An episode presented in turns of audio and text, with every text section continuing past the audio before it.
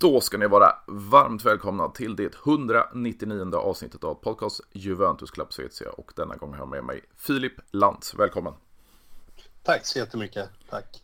Och anledningen då att jag har med just dig, det är då för sista matchen för 2023 mellan mitt Juventus och ditt Roma i och med att du varit eh, både chefredaktör på, på eh, Roma-redaktionen då på Svenska fans och ordförande för eh, Roma Club Svezia. Ja, precis. Det stämmer mycket bra. Jag har varit, eh, varit mycket aktiv inom den svenska Roma supporterföreningen och allt där runt omkring. Men i dagsläget så är jag nog bara mer en helt vanlig supporter som sitter hemma och skriker på kammaren. Precis, precis. Och då, eh, då kommer det två frågor då egentligen. Varför blev det just Roma för din del? Ja, jag är ju född eh, tidigt 90-tal, 1990 för att vara exakt då. Eh, när jag växte upp, vad ska man säga, 10-12 år där så kom ju Francesco Totti och jag kommer mm. ihåg än idag att en av de första fotbollströjorna jag fick var just på Skara Sommarland där liksom, jag tror det var eh, 2000, 10 år gammal. Eh, och då var det just eh, Totti i den italienska landslagsdräkten eh, så här riktigt tight kappa. Mm. Eh, mm. och där hade man nog inte kroppsform för även då. Så att, eh, men jag kommer ihåg jag älskat och sen så liksom på den vägen blev det att man började följa Totti och sen eh, tror jag var 14-15 så hade jag och min bästa kompis, eh, då var Roma Champions League och så var det mot Real tror jag mm. det var. Eh, och då så såg vi också att kolla på Roma och båda förälskade oss. Eh, så har man liksom hetsat varandra därifrån. Eh, för vi är ju så nära kompisar än idag så att vi åker ju till Rom mm. så fort tillfälle ges. Så vi har varit nere en fem, sex gånger tillsammans här då. Har vi. Ja, och det är ju ganska klassisk tid. Jag, jag är ju född lite tidigare på 1985 då, men det var ju Del Piero som fick in mig på, på Juventus. Och då har vi ju en evig eh, fråga där, Totti och, och eh, Del Piero i, i italienska landslaget. Och, och eh, det, det, har ju varit en batalj i många, många år. Ja, Ja, det får man ju verkligen säga. Och, alltså, jag älskar ju Del Piero som fotbollsspelare med. Han var ju helt fantastisk mm. att titta på. Eh, och det, alltså det, det klubbhjärtat någonstans, mm. även att det då går till Juventus, det är också en sån grej som jag uppskattar och ser upp emot när det kommer till spelare. Att man, ja men som att man håller sig kvar trots eh, degradationen där när Karl, eh, när eh, härvan kom där. Mm. Eh, du tappar namnet på den. Calciopoli. Ja, precis. När den kom och Del Piero väljer att vara kvar i Juventus. Det är någonstans liksom, det uppskattar jag i fotbollsspelare att man alltid är trogen till sin klubb.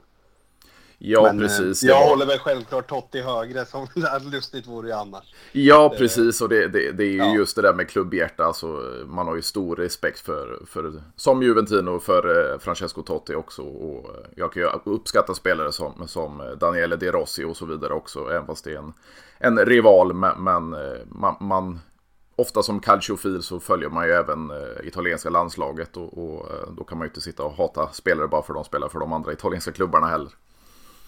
Nej, precis. Det är väl egentligen bara så länge de spelar för Lazio så är de persona non grata. Precis. Det kan, det kan jag tänka mig. Men hur, men hur tänker du kring, kring just Juventus? Hur, hur skulle du säga din relation till Juventus är? Ja, alltså. Ja, i Italien så är ju det andra laget jag kanske avskyr inom mm, situationstecken mm. mest då. Det är ju, ju Lazio klart på första plats, men sen är det ju Juventus. Uh, och det har väl någonstans att göra med att man, man har blivit infasad i att Juventus alltid får sina fördelar på grund av att de är ett lag från norr, mm. ett av de randiga. De har alltid domaren med sig, de får alltid de här lilla små fördelarna som inte de södra klubbarna får.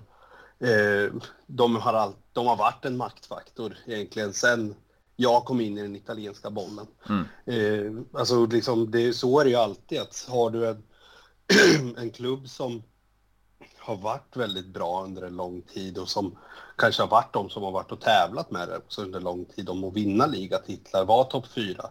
Det är klart att det skapas en rivalitet. Eh, så är det ju. Och just det här med att man känner att många matcher man har suttit och kollat och man känner sig bortdömd, då blir det än mer rivalitet och än mer hat då, mm. eller man ska säga, mot just den klubben på grund av att man alltid känner sig som underdogen oavsett.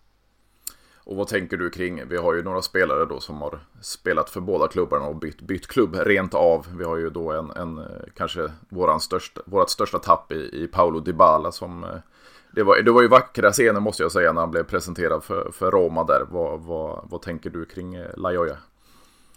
Ja, alltså, det, alltså han är helt fantastisk. Det är ju en av eh, de bästa spelarna på många, många år som har spelat i Roma. Det ska man ju ändå komma ihåg. Mm. Eh, sen att han är extremt skadebenägen är ju väldigt synd för honom och även för vår skull. Eh, för man ser ju verkligen vilken skillnad det är i kvalitet på plan när han spelar och inte spelar. Mm. Ehm, så är det ju verkligen. Och det, det går liksom inte att komma ifrån. Och just den biten, att han har spelat för Juventus eller att någon... Det är nog värre när en spelare går från Roma till Juventus än att en spelare har varit i Juventus och mm, kommer mm. till Roma. För det, det någonstans så är det så att den biten är liksom ofrånkomlig när man spelar kanske då i ja, ett av de fem största lagen i Serie A. Eh, Antingen kommer du byta till ett lag inom Serie A eller så kommer du gå någonstans utanför till någon stor klubb i Spanien, Italien, Tyskland. Men jag menar, det är så liten marknad när man kollar egentligen på hur många spelare som roteras i de 25 största lagen i Europa och då är det liksom ofrånkomligt att de någon gång spelar i samma lag. Mm. Eller i, i de lagen man möter och det, och det är liksom... Nej, så länge ingen spelare går från Roma till Lazio eller Lazio till Roma så så ser jag det inte som jättekontroversiellt. Så, faktiskt. Nej, och det har ju varit lite andra spelare som, som har mellanlandat så att säga. Vi har ju till exempel en, en Polacki mellan stolparna då som, som har representerat Roma. Men det var ju inte en direkt flytt från Roma utan han, han spelar ju OC på lån. Så, så det är ju inte samma rivalitet så att säga. Nej, och vi har ju även Leandro Paredes mm. som liksom först var i Roma, går till, eh, ja, var väl i Juventus därefter och sen PSG. Så jag menar, det, det är ofrånkomligt som jag säger att, att spelare går emellan klubbar, men så länge de inte egentligen går mellan Roma och Juventus så kommer jag aldrig kunna liksom, eller Roma-Lazio så mm. kommer jag aldrig kunna liksom stå med facklan och skrika liksom. Man kan väl alltid vara besviken om någon spelare väljer Juventus istället för Roma. Eh, men det har ju mer att göra med att man, man blir förbannad på att de säger att eh, ja, vi vill gå till Juventus och vinna titlar bara för mm, att man inte mm. tror på projektet Roma. Så det är väl mer den, där irritationen ligger i det här läget, skulle jag säga. För min del i alla fall. Mm, nu kan mm. inte jag prata för hela, hela supporterskaran, men för min del har det alltid känts så i alla fall. Och vad tänker du kring, vi har ju, hade ju en riktig transfersåpa då i somras här när, när det var Vlaovic till Chelsea och Lukaku till Juventus. Men det blev eh, Roma för belgaren istället. Vad, vad är dina personliga åsikter om, om eh, Lukaku? Ja, alltså det är samma sak där. Det går, det går liksom inte att säga någonting annat än att det är ren världsklass. Alltså, mm. kolla, kollar man på en match där eh, Lukaku och Dybala spelar mot när båda två är borta så liksom vi skulle vara glada om vi skulle ligga åtta i ligan mm. utan de två. Med de två så kan vi till och med liksom då utmana en topp tre. Eh, och det säger ju lite hur stor klass de här två spelarna har. Eh, jag hoppas ju att Lukaku blir kvar. Det pratas ju om att man ska försöka lösa honom till nästa år. Eh, köpa ut honom från då Chelsea och det, det, lever ju, det hoppet lever jag på för att han är ju tre, fyra, fem klasser bättre än vad Tammy Abraham är egentligen. Mm. Och eh, kan man någonstans gå plus minus noll på den affären så skulle jag vara extremt nöjd. Ja, för det är ju lite så här, jag hade ju med Twitterkontot och belgisk fotboll i, i förra veckan i podden och han talar ju extremt väl om, om just Lukaku då. Det är ju som man säger, statistiken finns där. Vart han än spelar så gör han mål. Det, det, det går ju inte att komma ifrån. Ja, precis. Nej men alltså det är en målmaskin och liksom man ser hur alltså, stark han är och liksom han är en riktig pansarvagn där framme. Liksom. Han, han kan hålla två spelare själv, han kan vända om, han kan skjuta, han kan nicka. Alltså, han är ju duktig på allt och det är det som är liksom, han är ju en komplett anfallare på det sättet. Um, och det är ju det är den anfallaren vi har saknat i många, många år. Uh, och även stjärnvärvning när man kollar innan Dybala så var det ju inte så att det, det öste ju inte stjärnvärvningar över Roma och nu liksom fick man in både Dybala och eh, då Lukaku. Det är ju det är inte som, man tror inte ens att det är sant som romanist att mm. man får de två det, det finns ju inte egentligen. Och vad skulle du säga att vad ska man säga, klubben har förändrats. Den fick ju in amerikansk ägo i, i Freakin och, och eh, även en, en José Mourinho då på tränarbänken. Tror du att det är den kombinationen som har gjort att spelare lockas till, till Roma numera till skillnad från kanske 10-15 år tillbaka? Ja, jag tror först och främst att eh, Mourinho har en mycket, mycket större effekt, effekt än vad många tror. Mm. Eh, jag tror jag har någon så här, nu kommer jag inte ihåg exakt så det kommer folk slå mig på fingrarna, men jag tror det var liksom två och en halv säsong med utsålda läktare på varje hemmamatch nu. Mm. Sen, alltså, sen Mourinho kom så har det i princip varit liksom utsålt på varenda hemmamatch. Eh, jag tror att det är liksom en jättestor faktor som många glömmer. Eh, när många sitter och skriker om att vi spelar tråkig fotboll. Men det, alltså, resultaten talar i sitt språk. Alltså, vi har vunnit en Europafinal, vi var i final i en annan. Alltså det är en vinnare som vi har i Mourinho, även om han spelar väldigt tråkig fotboll många gånger. Eh, men kombinationen av att vi har Mourinho, men även då de här nya ägarna som väljer att faktiskt satsa på klubben och väljer att ta in bra spelare och visa att projektet är här och nu och nu ska vi gå för att faktiskt bygga någonting stort. Eh, och det var ju problemet med Palotta tidigare, att han, han såg det mer som en affärsmöjlighet och där man liksom kunde plocka ut pengar så fort möjligheten fanns istället för att faktiskt satsa på klubben. Ja, precis. Och det, det, känns ju lite så här om man tänker, vi, vi pratade innan vi tryckte på räck här om, om eh, Marcus Birro och han talar ju väldigt mycket om det här med Även fall Palotta har italiensk härkomst så är han en amerikan. Och det är ju även Friedkin-familjen då. Eh, men, men, att man tar tillvara på kulturen och den italienska fotbollen och hur man hanterar en klubb. Och, och att vara på plats är extremt viktigt. Vad skulle du säga att Friedkin-familjen har gjort skillnad från Palottas eh, era? Ja, det, det är ju bara att börja i den änden. Alltså, Palotta var väl på två matcher på tre säsonger mm, i princip. Mm. Eh, Medan Fridkin är på plats varje match och mm. kollar. Eh, man ser dem på läktaren varje gång Roma spelar och bara där visar ju att de, de, de är intresserade av det här. Det här är inte bara någonting som man ska ha på sidan av och leka med utan det här är ett seriöst projekt som man då vill göra. Ehm, och sen visar man ju att man har liksom, man pratar ju öppet om just de här projekten och att det här är ett långsiktigt projekt i att man tog in Mourinho eh, skulle man då börja bygga för framtiden man tog in Dybala och man erbjuder honom ett nytt kontrakt. Man pratar om att faktiskt signa upp Lukaku istället för att alltid bara gå på de här, ja men vi lånar in det här en mm. säsong och så får vi se vart vi landar och hoppas på att vi når Champions League. Eh, håll tummar och tår för att vi får in lite pengar till nästa säsong. Ja, men det visar att de, de vill någonting i det här. De eh, betalar av de skulder vi har. Eh, sen kan man ju alltid liksom prata om nu är ju vi en av de här samarbetsklubbarna med Financial Fair Play. Mm. Det, visst, det skjuter ju oss mycket i foten att vi alltid ska ha rena papper, men samtidigt kan man ju vända på det och säga att vi sitter aldrig i skiten på grund av att vi har gjort bort oss. Men eh, det är klart att det skapar ju en viss irritation när transfermarknaden går igång och alla värvar till höger och vänster, typ som Milan som värvar för mm. en och en halv miljard och sen så liksom pratar vi om att han vi har 200 miljoner att värva för i år. Eh, det är klart att det är jobbigt, men det visar ändå att de är seriösa med det de gör. De är inte inne för att liksom länsa klubben på varenda krona och sen dra igen. Och sätta klubben i en ekonomisk situation som inte går att lösa till exempel. Då. Så att, eh, nej, jag är väldigt, väldigt positiv till just Freakins. Där det, de, de visar att de vill någonting med det här projektet, faktiskt.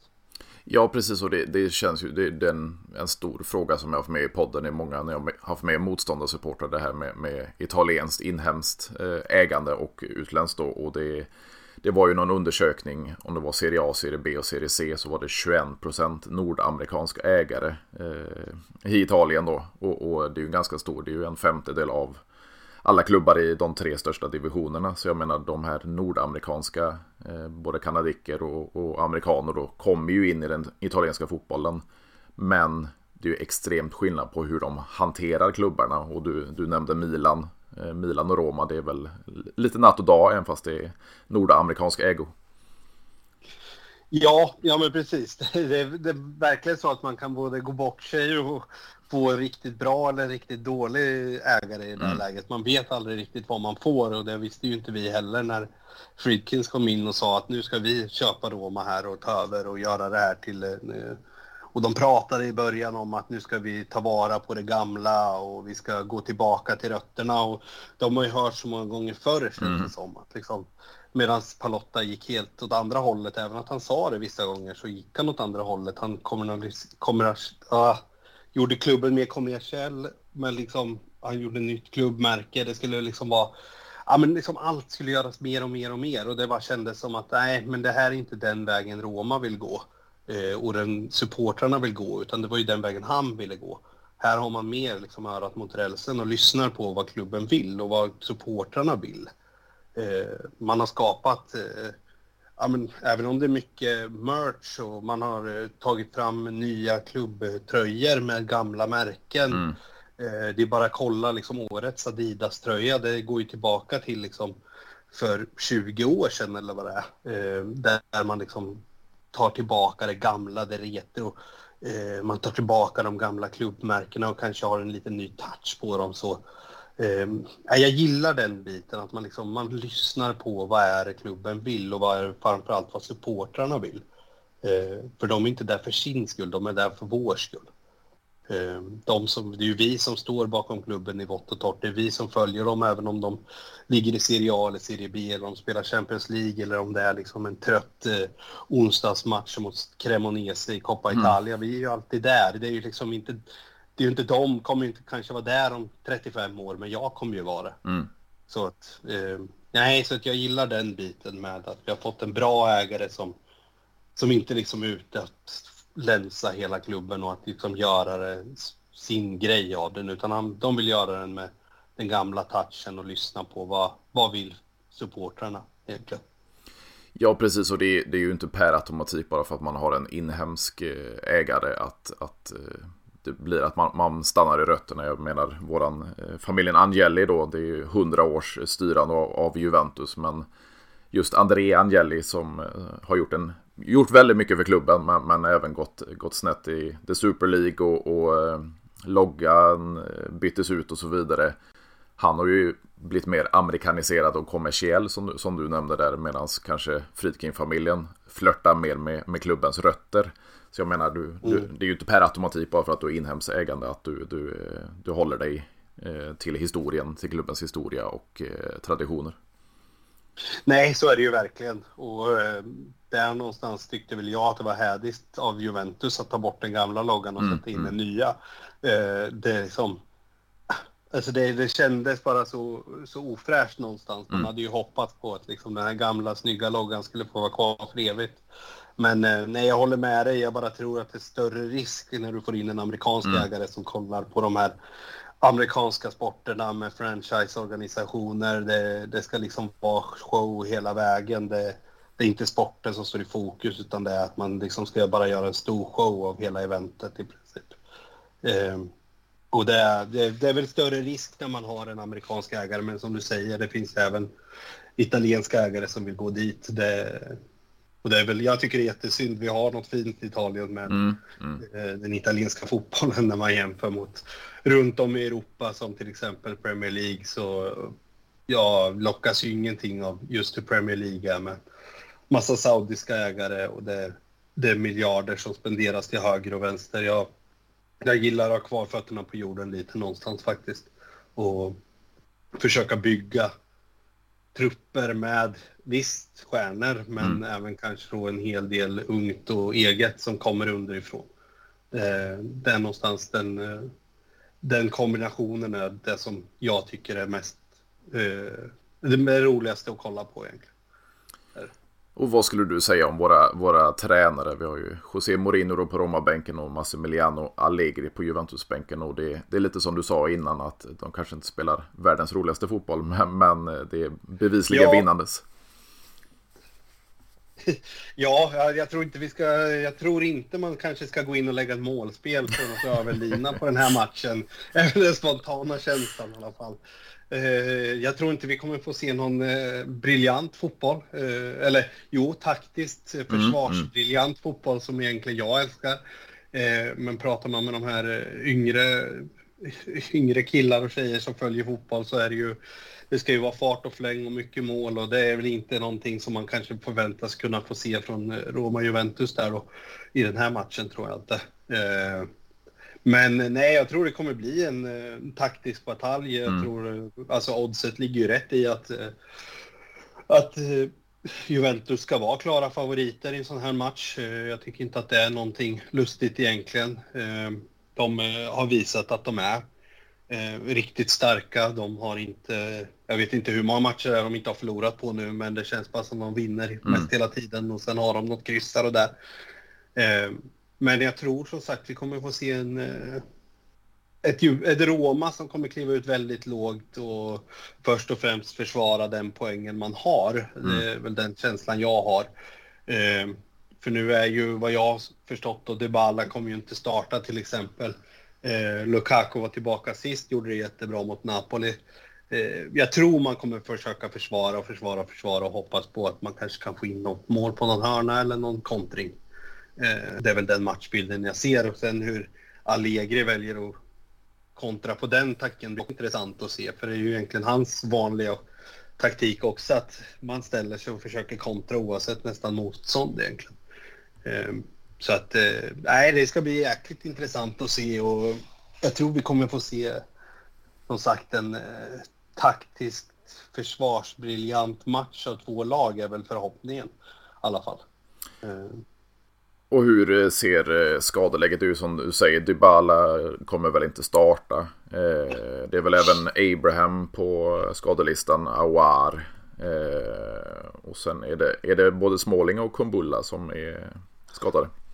Ja, alltså nu verkar ju Aura, Aura, Awar och Kumbulla verkar ju vara tillbaka i träning igen. Sen om mm. de är med i matchtruppen vill jag låta vara osagt. Men Eh, så som jag har sett i alla fall så är det Småling, Dybala, Abraham där som är skadade. Eh, så att det är ju de tre man pratar om i alla fall. Mm. Eh, I nuläget. Eh, sen så får vi ju se. Det kan ju hända mycket fram till matchdag här nu. Det är ju ändå tre dagar kvar här med kanske lite träningar och haft lite julledigt och någon Ja, känner jag Roma rätt så kanske finnas farans riktning att någon baksida går på någon träning eller något sånt där som vanligt då. Men alltså skadeläget är väl ändå helt okej okay i dagsläget mm. får man ju ändå säga då.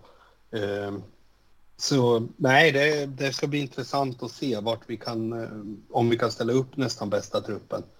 Uh, för då kanske vi åtminstone kan ge en match, för det såg ju extremt trött ut för, för två matcher sedan där, där man uh, förlorade mot Bologna. Det mm. såg ju liksom ja, men det fanns ju ingenting egentligen i den här matchen som talade för att Roma skulle ta en poäng från början. Eh, man var trötta, man, man gjorde egentligen inte speciellt mycket, man skapade ingenting. Men då såg man ju också vad, vad de här toppspelarna gör när de saknas där. Mm. Egentligen. Så, eh, så det är väl egentligen eh, med, med eh, den summeringen så hoppas jag väl på att man åtminstone ska kunna bjuda upp till dans. Så skulle jag vilja säga. Ja men precis och det är ju lite liknande situation vi har. Vi sitter ju på en, på en Kesa som riskerar att missa. Vi har en Locatelli som riskerar att missa. Det, det, de kommer åtminstone inte starta. Men nu fick vi ju se en, en eh, Kina Gillis då, en, en turkisk talang som vi besitter som, som eh, gjorde mål eh, ganska tidigt i senaste matchen och, och, kan få chansen igen. Lite släpande anfallare eller offensiv eh, mittfältare. Så, så vi har ju sparkapital även fast Kesa inte kan spela. Blaovic gjorde mm. ju mål. Han gjorde två mål, ett blev bortdömt.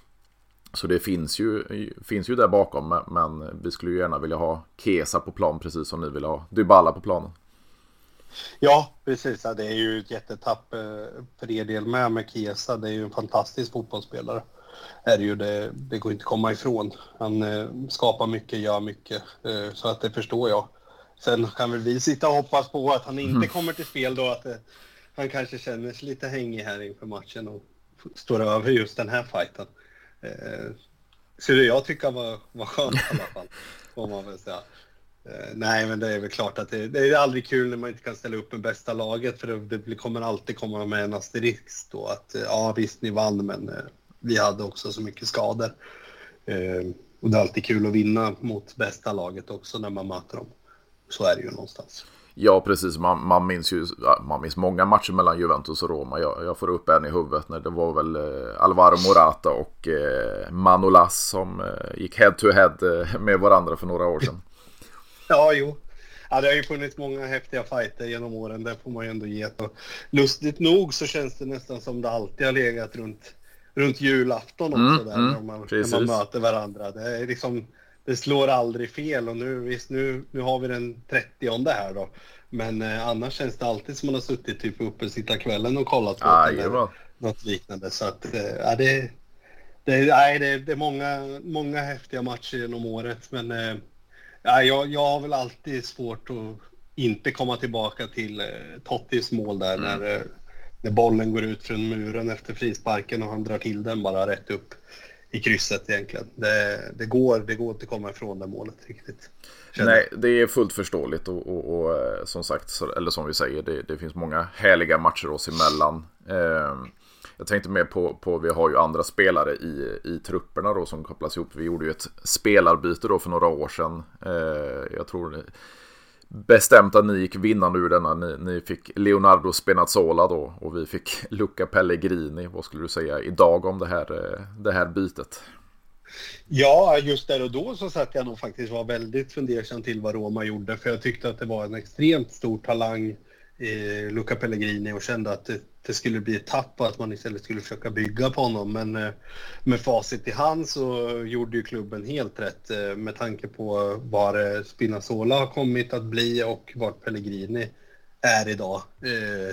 Spinazzola är ju en fantastisk fotbollsspelare och innan hans egentligen häl gick där i, i EM så var han ju ännu bättre. Och kopplades ihop med både Real Madrid som jag förstod och ett par klubbar till så att eh, det är klart att det finns extrem talang i den fotbollsspelaren. Så är det ju. Ehm, det får jag väl någonstans säga ändå att Roma vann den dealen, även med skadan då. Får man ju gett.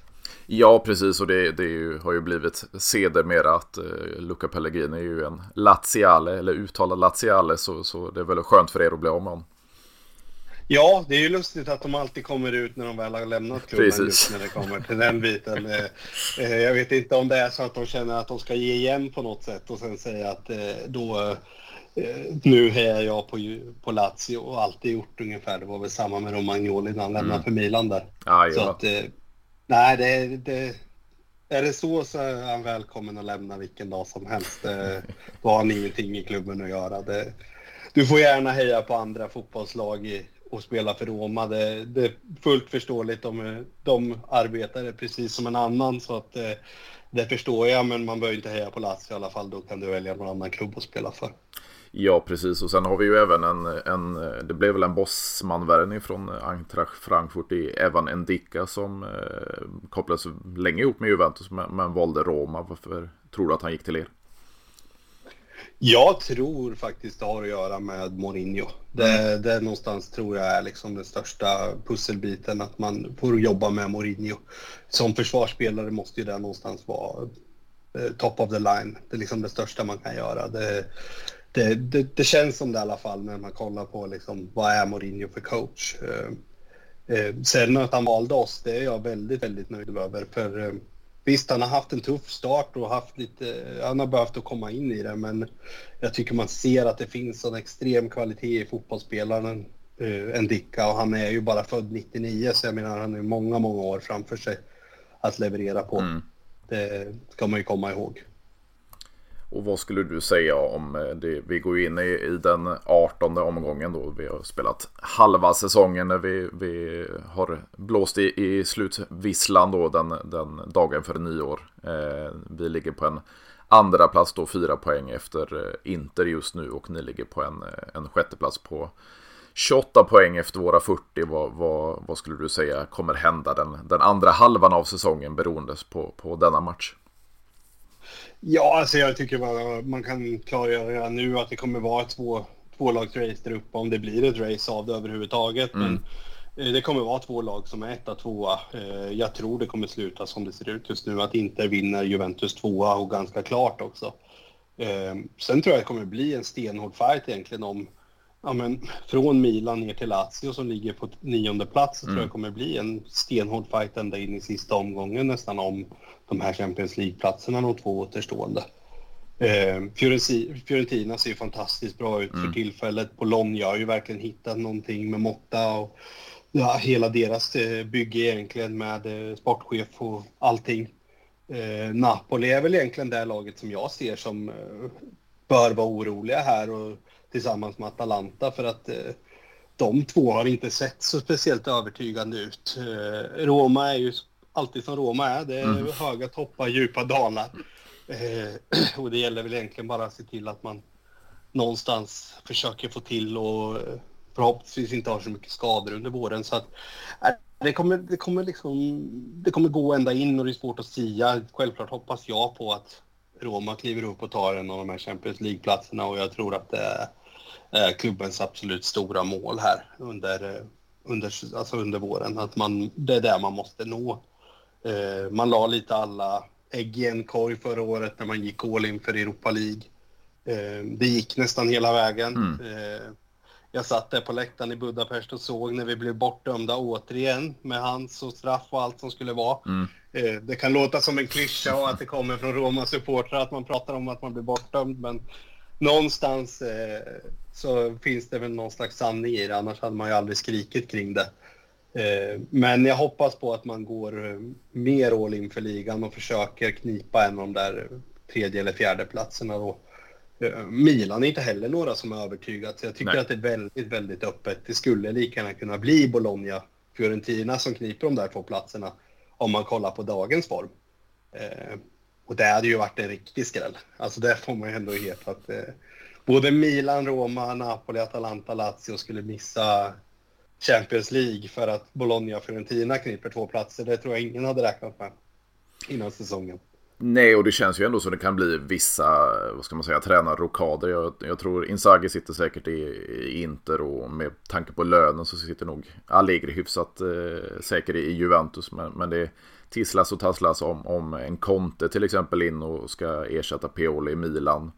Gör Thiago Motta en sån här så pass bra säsong och, och hamnar han på en Champions League-plats med, med Bologna då, då lär det bli större klubbar för han. Italiano och ja, gör ett ju, intressant jobb. Det är ju bara frågan om Sen är bara frågan om man vill lämna i det här läget eller om man vill köra en säsong till. Absolut. Alltså, det är ju historiskt att köra Champions League med Bologna och jag menar det... Kolla bara, man trodde ju att eh, Inzaghi skulle lämna Lazio mm. fem år i rad tänkte jag säga och mm. ändå fortsatte han köra på och samma egentligen med Diego Simeone om man går till Atletico Madrid att mm. han, hade, han har säkert också större klubbar i sig men väljer att stanna så att eh, det där vet man aldrig riktigt vart, de, vart man landar och om, eh, som du säger men jag tror egentligen det är större risk att eh, man gör tränare och kader i, i sådana klubbar som inte går bra. Mm. Eh, mm. Napoli har ju redan gjort det eh, och verkar inte riktigt ha fått den effekt som man trodde. Eh, vad händer i Atalanta? Hur länge får Gasperini mm. sitta? om han fortsätter att underprestera egentligen som, som man ändå får anse att det någonstans är på att bara ligga åtta. Eh, Sarri, Lazio, mm. länge får han vara kvar? om de nu går på vinter... Eh, som eh, ja, vinterhalvårets eh, här att, eh, och de ligger nia, vad gör mm. vi då? Alltså vad gör de då? Vad, vad hamnar vi? Jag tror att, som du säger, inte Juventus. Jag tror även att Mourinho sitter säkert oavsett resultat mot Juventus här nu. Eh, för han har visat så mycket och jag, jag ser inte att man skulle kunna plocka in en bättre tränare i dagsläget om man inte gick för till exempel Conte då. Men eh, det är också lite kontroversiellt att ta in honom till Roma om man ser det så. Ja, precis. Och det, det känns ju lite som Mourinho har blivit Roma likt vad Allegri har blivit Juventus. För jag menar, det var fem eh, väldigt framgångsrika år i, i Juventus tills han tog en paus där och sen kommer tillbaka och går han kontraktet ut så, så jag menar Juventus tränare i nio år då, då, eh, då har du en plats i, i, i klubbens eh, historia. Och, och, det känns lite som Mourinho har blivit anammad av, av er romanista.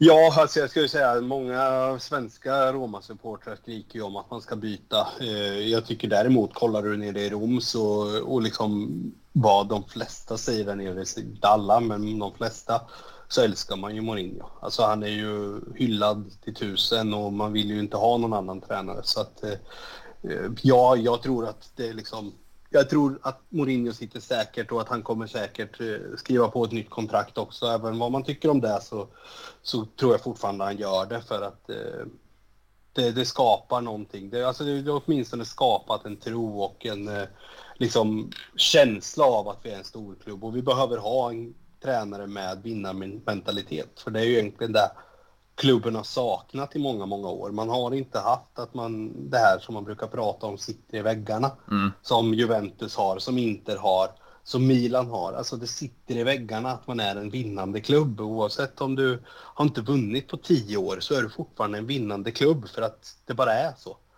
Eh, och det, det, det, måste Roma någonstans försöka bygga och det är liksom, jag tror att Mourinho är rätt man för att bygga upp det någonstans i ett omklädningsrum att det här är en vinnande klubb och det här är en klubb som inte nöjer sig med någonting annat än en vinst. Så.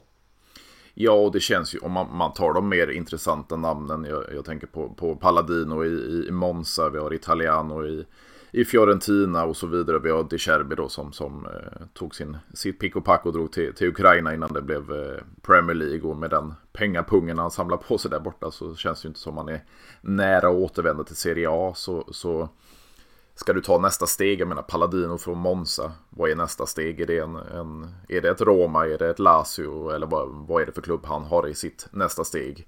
Som du pratade om, Thiago Motta, tar han Champions League-plats med Bologna, det, det, är inte säkert han vill flytta på sig i första laget. Så vem skulle man ersätta Mourinho med i så fall? Ja, nej, och det, jag ser bara egentligen, alltså som av de tränarna som finns idag så är det ju typ bara Conte som finns. Mm. Eh, jag skulle ju inte vilja gå med Palladino eller kanske ens Italiano för jag menar, vad har de bevisat mm. mer än mm. egentligen det de gör nu? Och jag menar, det blir ju, då ska man någonstans börja om med ett nytt projekt där man pratar om en projekttränare eh, och att det ska liksom bygga långsiktigt. För det är ju det man pratade om med Mourinho. Nu ska vi bygga det här med projektet mm. Roma och Mourinho. Eh, och det, nej, då, det är typ bara Conte och då ska man ju gå för snabba resultat. Eh, Samtidigt är det rätt väg att gå istället för att bygga upp någonting som kanske varar över 10-15 år oavsett tränare du tar in i nästa steg. Eh, det är, jag tror mer på, på liksom det långsiktiga med Mourinho och låta honom ja, få sin tid. Eh, vi kommer komma till en ände där det känns naturligt för båda parter att lämna och gå isär men jag tycker inte att det är rätt, det är rätt just nu i alla fall. Tycker, min personliga åsikt. Nej, precis. Och det, det, det, är ju extremt viktigt i det här läget. Jag menar, ni har funnit en, en, ett vinnande koncept. Jag menar, eh, Conference League och, och in i Europa League och ni ska potentiellt in i Champions League. Så jag menar, Mourinho är en, eh, mer av en garanti. Och, och eh, jag menar, en klubb som Roma, ska ni gå, ta nästa steg? Det finns inga tränare som kanske, nu säger jag inom situationstecken, nöjer sig med Roma. Ja, det skulle ju, alltså för Romas del så skulle det ju egentligen vara någon slags drömnamn är ju eh, Carlo Ancelotti. Det är mm, ju liksom mm. den jag skulle drömma om om jag liksom fick eh, drömma stort och vett och brint. Alltså, alltså fick jag ta in vem som helst så skulle jag ju ta in Ancelotti som liksom någonstans ändå är rimlig. Mm. Eh, men jag menar han i Real Madrid och vad, det pratas det pratas både Brasiliens landslag mm. eller förlängning i Real. Jag menar, varför skulle han vilja gå till Roma? Ja, då skulle det vara just att det är Rom och att det är Roms Piazza. Så att det är det som lockar. Då är det ju inte klubben som lockar. Då är ju storheten i stan och storheten i att det är liksom en huvudstadsklubb mer än att det liksom är klubben i sig som lockar. I så fall. Ja, precis. Och det, det, känns ju som Mourinho trivs i Rom och trivs i klubben. Eh, och som sagt, han, han kanske inte är på, på väg upp i karriären heller. Så, så att styra skeppet i, i Rom, det, det, jag tror det tilltalar honom också. Ja, och jag gillar ju just det här som Mourinho gör. Alltså, kolla bara hur många, hur många unga spelare har han inte gett chansen? Mm. Alltså hur många spelare plockar han inte upp underifrån för att ge chansen när det blir skador istället för att skrika nu måste vi värma mer. När han går till Primavera-laget, plockar upp några spelare, låter dem få starta. Det är riktiga Romkillar. Vi har här, nu var det ju i matchen mot Sheriff Tiraspol tror jag. Mm. Som, det, som det var. Jag ska bara ta fram här. Jag, nu är ju jag för dåligt inläst här känner jag, men då har du ju han Pisilli som är då vår egen produkt som gör mål på Olympic och står och gråter och så kommer Mourinho själv och säger efter matchen, ja men jag, jag hade svårt själv att hålla ifrån tårarna för att det är så fint. Jag menar, han bygger de här unga också utöver att vi liksom har ett fullt fungerande lag framför. Eh, varför ska du byta ut något som fungerar och som uppenbarligen går hem hos romarna? För att jag menar, det är väl lätt att man blir romantisk, alltså romantisk när man hör det här. Jag blir till och med liksom så här, nästan lite tårögd när man hör att liksom han har stått och så hejat på de här yngre spelarna och så får de komma in och så gör de mål och han står och gråter tillsammans med dem. Det är klart att det liksom, ja men det bygger ju upp någon romantik även hos romarna, så är det ju. Det, vi är ju kända för att även gilla att eh, ta fram våra egna produkter med tanke på just Totti de Rossi. Eh, så att, eh, nej, det, jag tycker att man ska hålla kvar i Mourinho tills vidare så får vi se hur länge det, hur det blir, det får tiden utvisa. Ja, precis. Och det känns ju lite sådär om man, man jämför Mourinho och Allegri. Det, många talar ju att det, det, det är fotbollens dinosaurier, att de är, de är fast i det gamla och de, de vägrar utveckla sig in i den moderna fotbollen. Men, men för mig eh, i alla fall så är skillnaden mellan portugisen och italieran och det här som du nämnde med, med unga spelare. Det känns ju lite, vi, vi är väl lite oense Juventino emellan där men, men i min mening så har han ju tvingats spela många av de yngre spelarna med, med tanke på skador och avstängningar och så vidare. Allegri medan mm. Mourinho ger dem chansen. Ja men precis, det är väl den känslan jag också har faktiskt någonstans i slutet av dagen att eh, Mourinho ger de unga chansen istället för att eh, säga att man, nu måste vi ha en till eh, anfallare så då tar man in en yngre kille. Eh, Medan Allegri känns som att han, eh, han står bakbunden med händerna och säger ja då får vi ta det, det är mm. sista mm. utvägen i princip. Eh, så det håller jag helt och hållet med om. Och, eh, ja, visst, de kanske inte spelar den roligaste fotbollen, men samtidigt, eh, jag tycker det är en vägvinnande fotboll och jag menar bara för att man spelar en försvarsfotboll så behöver inte det betyda att det är något fel med det. Eh, jag har alltid tyckt om försvarsspel och alltid tyckt om fotboll som eh, där jag åtminstone hejar på ett lag eh, så uppskattar jag just det här taktiska och försvarsinriktade fotbollen istället för öppna spjäll och 3-3. Det, mm. det, det, ger bara mer nerver än vad det behöver göra, känns det som. Ja, precis. Och, och, och på tal om det här med, med yngre talanger. Ni, ni, ni, får ju upp några ur, ur ungdomsleden också, Primavera-laget och så vidare. Men just det här med att ha ett, ett U23-lag eller ett B-lag. Det, det, är ju Juventus ganska ensamma om i ja, toppklubbarna i en klubb som Roma inte har eh, gått, gått samma väg så att säga.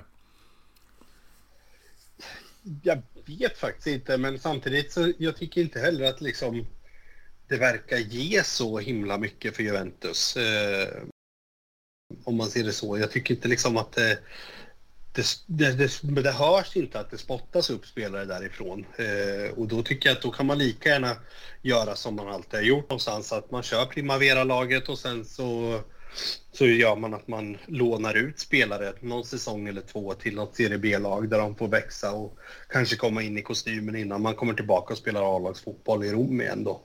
Eh, jag tycker ändå vi har fått upp en hel del på det här sättet. Eh, självklart går det säkert bli bättre att hitta nya vägar kring det där, men det får någon som är smartare än jag komma på i så fall. Tänkte jag sen. Och vad skulle du säga om eh, arenafrågan? Alltså Juventus är ju också ganska ensamma om att sitta på, på en modern arena som man äger och så vidare. Medan eh, Milano-klubbarna fortfarande år efter år efter år pratar om planer då och, och bygga varsin arena eller renovera San Siro och så vidare. Vad, vad säger du om, om eh, Olympico-frågan med, med Roma och Lazio? Ja, det är väl den eviga frågan tänkte jag säga, mm. i den eviga staden.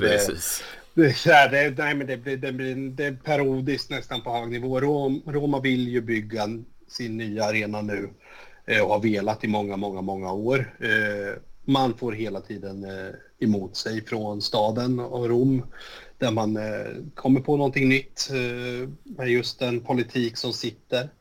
Eh, nu det sista jag hörde var väl att det var, eh, eh, vad är han heter? Eh, Ska vi kolla här nu? Mm. Det var ju, det sista här nu var ju att man har ju ansökt igen eh, och fått ett nej igen då. Och det är väl för att jag tror att det är Lotitos svåger som nu sitter på den posten som har den bestämmande biten i Rom. Eh, och det, liksom där någonstans kan man ju inse vad är det vi håller på med. Mm, mm. Alltså det, det, blir parodiskt och det är någonstans liksom Roma vill bygga sin arena, man pratar om det, man gör allt man kan. Och det, jag tror att det hade ju gett ytterligare en nivå och det är väl där någonstans Juventus har gjort väldigt rätt och kommit liksom nästa steg. För jag mm. tror ju det är nästa steg att ta, att inte ha utgifter utan bara inkomster när det kommer till den biten. Som blir med en arena. Visst, sen har du ju alltid de här utgifterna med underhåll, men mm. det är ju inte samma sak som en hyra eller att man kan hyra ut den arenan till någon, någon andra evenemang där man får in ännu mer pengar. Och, ja, det skulle skapa än mer inkomst vilket skapar ännu bättre ekonomiska förutsättningar och på det sättet kan man också skapa ännu bättre sportsliga förutsättningar. Där. Ja, ja, men precis. Och det, det, känns ju lite som, som du är inne på det där med att hyra sin arena från kommunen. Vi har väl kanske ett av de mest typiska i, i Neapel då med, med Aurelio De Laurenti som, som eh, hyrde av kommunen och det är ju en eh, sönderfallande koloss kan man väl kalla eh, arenan för och, och, och, det är ju inte indrags eller intäktsindrivande på samma sätt som, som Juventus då som äger området, äger arenan och allting runt omkring för, för eh, det är ju inte bara på matchdagar utan allting under åren också. Man drar in mycket intäkter från det här och, och lägger man till Champions League-intäkterna dessutom så är det ju en, en, en pengako minst sagt. Så att eh, äga sin egen arena det är ju extremt viktigt i dagens fotboll.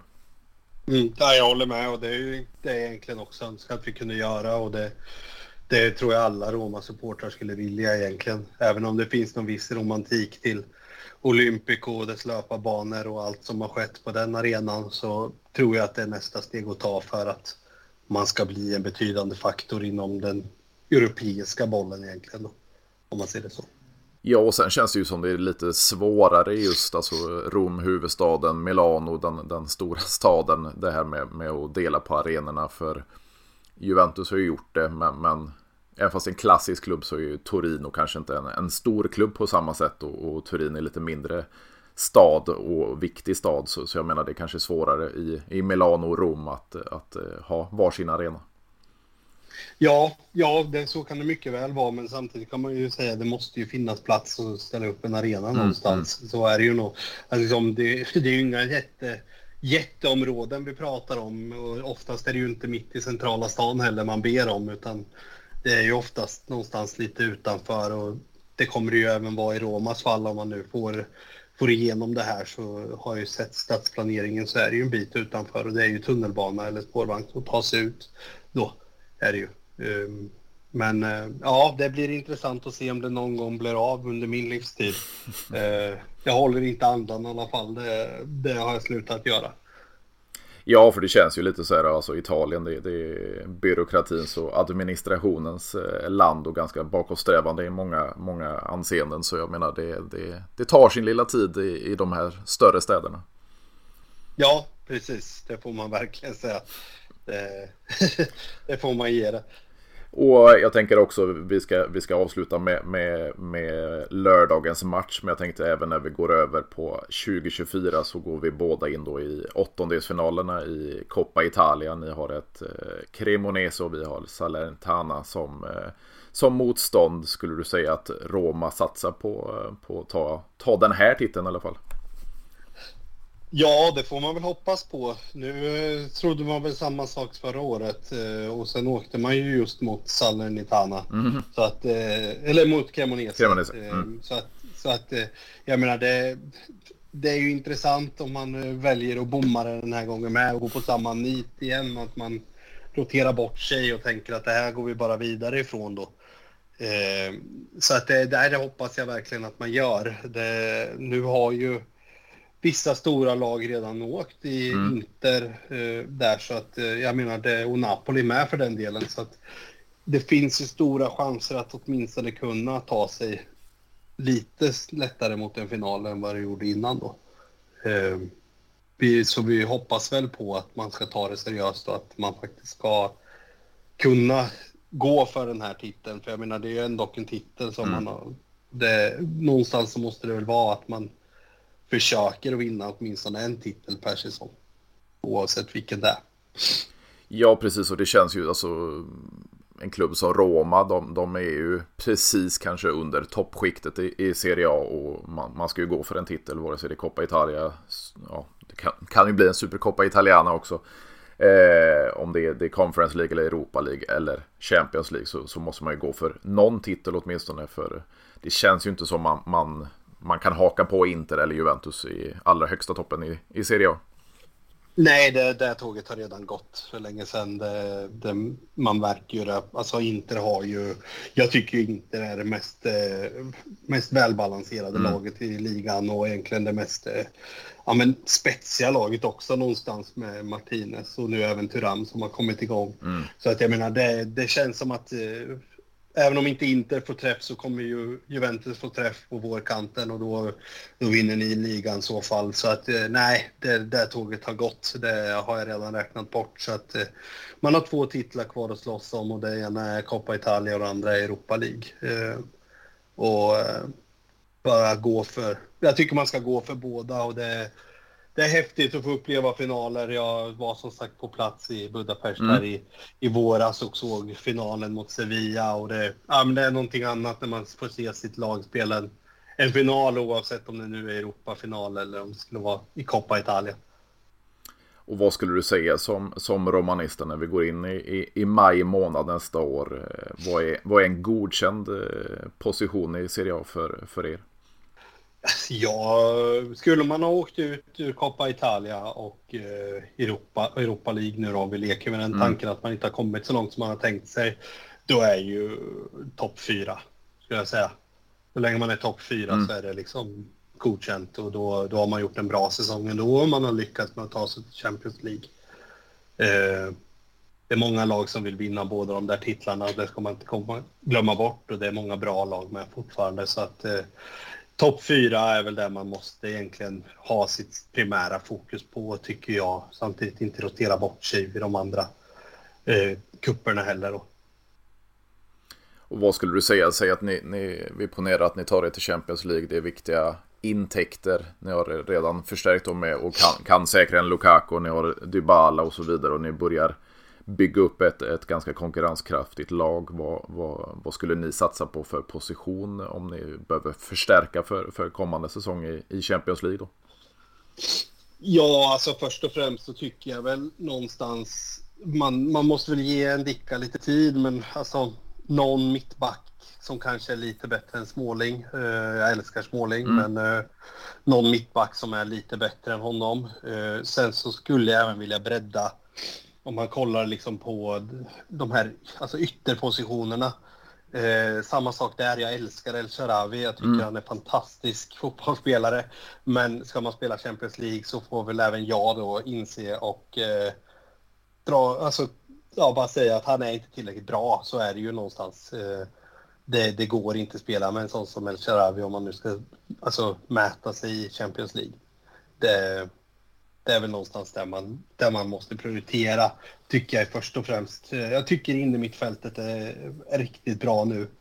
Eh, kanske att man får förstärka något mer där. Eh, för det verkar väl som att Renato Sanchez går tillbaka till PSG. Mm. Eh, så tycker jag att man, man, som klubb har varit väldigt eh, ja, vad ska man säga, man, man ger inte spelare tid när man börjar prata om att man ska göra sig av med Aura redan nu. Det har mm. gått ett halvår. Eh, han är också då, tror jag, är född 98, så jag menar han är 25, eh, fyller 26, så att han kommer gå in i sin prime. Han har bara spelat franska ligan tidigare. Mm. Där även, man måste ge honom tid, eh, för han kan bli riktigt bra och riktigt nyttig tror jag för Roma. Någonstans. Eh, så att, eh, nej men sen är det ju jag tycker ju fortfarande det att man måste ha in en världsklassmålvakt. Eh, Patricio all ära, men han står för lite för många blunders många gånger mm, kan jag mm. tycka. Han, eh, han är bra så är han riktigt, riktigt bra, men han, han har sina matcher där han liksom man undrar vad fasiken håller han på med. Så att eh, vi måste in en världsklassmålvakt också som verkligen liksom kan hålla tätt och vinna en match själv åt oss. Ja, det är lite syndromet som vi har suttit alltså, så många år med, med Gigi Buffon mellan stolparna så, så är man ju extremt bortskämd just på, på målvaktspositionen. Eh, sen var det ju många som bespottade just eran inlånade tidigare målvakt i Wojciech Szczesny då som, som eh, jag tycker har spelat upp sig otroligt bra de senaste åren och, och eh, har blivit en av de bästa i världen faktiskt. Eh, så jag tycker att man, man får väl ha tålamod i och med att man har haft en, en målvakt så pass länge på, på den positionen. Men ja, det, jag förstår dig hur du menar för, för Kerstin har ju även stått för några blunders tidigt i, i Juventus-karriären. Ja, och så där är det ju. Det som du säger, man blir ju bortskämd. Det är bara att kolla att liksom, vi har ju inte haft någon inne mittfältare som varit närheten av De Rossi som han la av. Så att jag menar, man kan ju aldrig få tillbaka det man en gång hade och jag tycker ni har i Wojciech ni är en riktigt bra målvakt. Mm. Eh, visst, alltså alla målvakter kommer någon gång göra en blunder, men eh, man får inte göra det hela tiden eller att man har liksom ett par matcher per säsong utan det får hända någon gång då och då och liksom det är vad det är. Men eh, Nej, vi, vi skulle behöva ha någon riktigt bra målvakt i alla fall.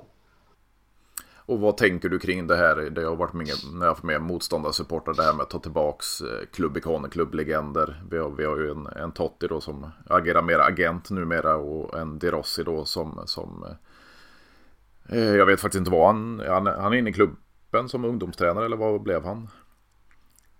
Ja, det är ju en bra fråga. Det där är ju har jag inte så bra koll på just nu vad han gör. Eh, jag har väl eh, med ny, nytt barn och lite ny familjekonstellation mm. så har man väl släppt lite grann då men ehm, jag, jag, tycker det ringer någon slags klocka när du säger det. Mm. Men eh, jag, jag har inga egentligen större problem med att, att en spelare kommer tillbaka in i klubben. Sen så kan jag tycka att man kanske inte ska ha för framträdande roll som gör att man riskerar sitt legacy någonstans. Utan eh, man, eh, man ska nog mer fokusera på de här rollerna bakom kulisserna någonstans. Eh, eh, jag tycker att en sån roll som, som Totti har fått där man kanske då blir lite jag vet att han ringer och pratar mycket med många alltså med spelare när de ryktas till Roma. Man pratar om vad man kan förvänta sig i Rom. Jag tycker han är en fantastisk eh, representatör för klubben och eh, hur, eh, hur allting där då eh, ser ut. Eh, även min känsla. Att man kan ta en sån roll där man, där man mer bara hjälper klubben i stora hela än att kanske ta huvudtränaruppdraget och riskera allting man någon gång bygg, byggt upp tillsammans med klubben. Ja, precis. Och det känns ju som det är extremt viktigt där med att sätta rätt person med rätt erfarenhet och rätt, vad ska man säga, yrkeskompetens på rätt position för det, det, det, är lätt att man bränner sig, precis som du säger. Vi, vi har ju mycket, eller länge talat om Alessandro Del Piero, men, men det är ju extremt viktigt vilken position han ska sitta på. Vi har en Chiellini då med, med en, utbild, en ekonomisk utbildning som skulle kunna gå in som någon sorts direktör. Men jag menar det är extremt lätt att bränna sig så sätta honom på rätt position det, det måste ju vara bland det, bland det viktigaste.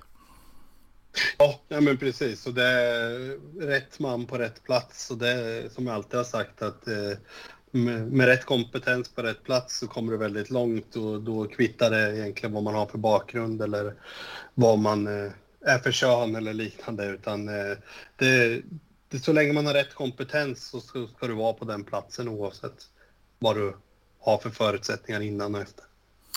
Och vad skulle du säga avslutningsvis, våran eh, match då, Juventus-Roma, Allianz Stadium den 30 december. Vad, vad skulle du sia om ett, ett, eh, slutresultat? Ja, alltså ska, ska jag sia och tro med hjärnan så tror jag ju att Juventus vinner det här med uddamålet. Mm. Eh, 1-0 gissningsvis då. Eh, ska jag tro och hoppas så tror jag att Roma kanske skulle kunna vinna med 1-0 mm. med eh, någon kontring som vi pratade om tidigare. Att mm. eh, man, det kommer vara tajt. Det är väl det min förmodan och tro är. Eh, jag har svårt att se att man skulle släppa på alla cylindrar och bara köra på när det kommer till de här två lagen. Så att, eh, jag tror väl att någonstans, ja men 2-0 skulle det säkert kunna bli åt något håll också. Bara, att, bara för att den andra måste öppna upp sig lite grann om man ligger under. Eh, men eh, nej, alltså, jag tror nog att Juventus kommer gå vinnande ur den här striden någonstans. Eh, även min känsla inför matchen. Allt annat skulle vara en bonus någonstans. Känns det i det här läget. Känns det framförallt som det, det är hemma, hemmalagsfördelen eller skulle, om det skulle varit på, på Olympico skulle du säga samma sak? Nej, nej, det är nog mer som sagt hemmalagsfördelen i det här läget. Att man, eh, man ser att eh, de är, alltså Juventus är starka hemma och det, Roma är extremt starka hemma. Men eh, man är, har lite svårare borta. Och, eh, ja, jag tror att man hade behövt publikens stöd i ryggen för att kunna lyckas knipa tre poäng i en sån här match då. Eh, åker vi från eh, Turin med ett poäng så är jag supernöjd. Faktiskt.